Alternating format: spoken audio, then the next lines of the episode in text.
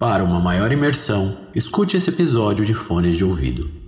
Bem-vindos ao podcast Pesadelos. Antes de começar o episódio, não se esqueça de nos seguir no Instagram, pesadelos.cast, no Twitter, pesadeloscast e curtir a nossa página no Facebook. Caso queira contribuir para o crescimento do podcast, acesse apoia.c pesadelos. Aproveite o episódio e tenha bons pesadelos. Compre já sua camiseta na loja Dimensão Nerd. Usando o cupom Pesadelos você ganha 5% de desconto. Bora pro episódio.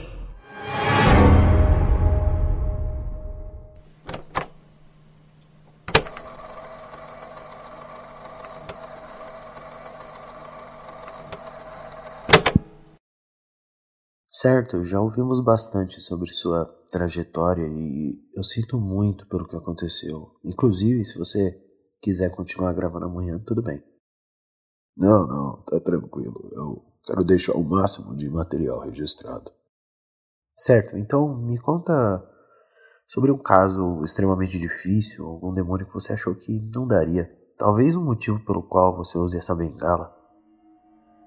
Tá legal. Teve uma vez, acho que era por volta de 82. Eu me entupi de casos, precisava me distrair. Era a única coisa que me fazia me sentir vivo àquela altura. E quando você olha para o abismo demais, às vezes o abismo olha de volta.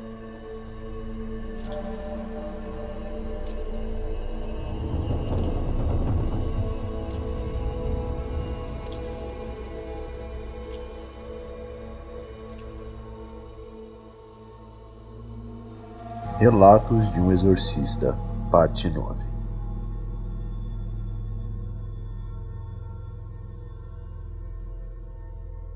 Era verão, os dias quentes de São Paulo e a merda da ditadura tava rolando. Eu não sei, sabe? Foram tempos mais sombrios do que deveriam ter sido. Para ser sincero, eu acho que todo movimento militar só fez aumentar a vontade de matar demônios. É como se a energia do momento os trouxesse direto para o conflito, igual urubus em cima da carniça. Tudo estava bagunçado. Os demônios nunca tiveram tão numerosos em um só lugar. O conflito facilitava a passagem deles pelo corredor. Ah, corredor é como Will chamava a passagem entre o inferno e a terra. Um dia eu perguntei por que corredor. Ele disse que parecia um corredor quando esteve lá. É, eu fiz essa mesma cara quando ele falou. Mas enfim. Aquele corredor devia estar igual a Marginal Tietê às seis da tarde mas com demônios. E os trabalhos acabaram se multiplicando rápido demais.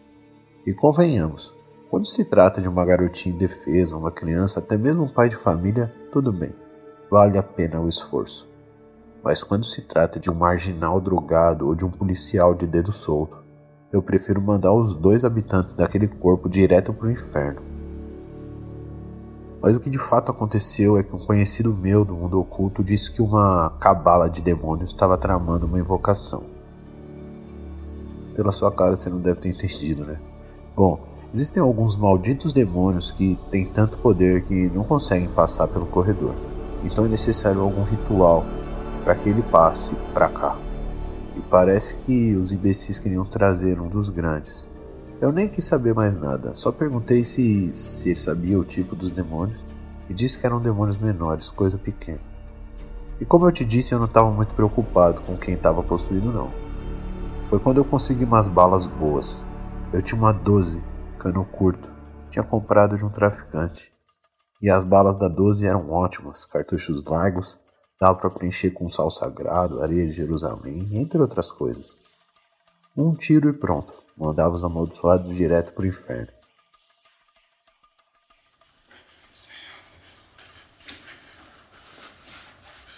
Lembro até hoje. Era um estacionamento subterrâneo de um prédio abandonado. Eu entrei em silêncio e pude ouvir os murmúrios do ritual. A única iluminação era um tonel de ferro com fogo dentro. Malditos estavam em volta cantando alguma merda. Eu só lembro de jogar um sinalizador vermelho bem perto deles e abrir fogo.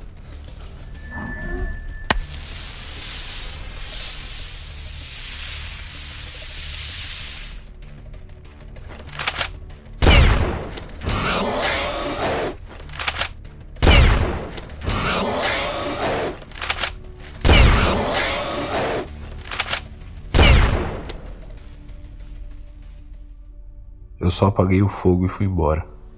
E naquele dia, alguma coisa se escorou em mim. Tudo começou com alguns pesadelos, uma gripe forte, até alucinações. Certo dia eu acordei pelado, na frente do espelho segurando uma faca. Eu estava olhando fixamente para o reflexo. Eu nem sei quanto tempo eu fiquei parado ali. Naquele dia eu percebi que o abismo havia olhado de volta para mim. Tudo porque eu parei de exorcizar os malditos. Matar deixa uma mancha na alma das grandes. Um alvo fácil para qualquer criatura dessa. Eu busquei ajuda e descobri que era um demônio traidor. Malditos são inteligentes e difíceis de lidar. Mexem com o tempo, com memórias, te deixam muito doente. Mas por sorte, esse conhecido tinha um ritual.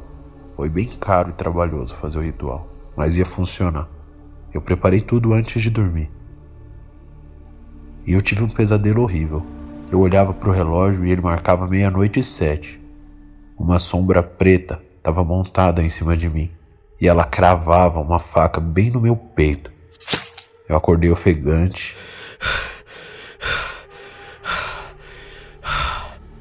E fiquei aliviado por alguns segundos.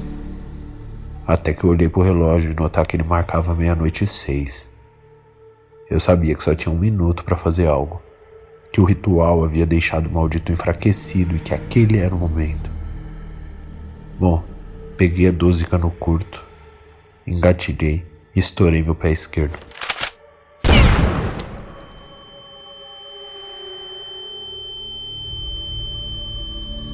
Perdi 40% do meu pé por isso eu ando com essa bengala.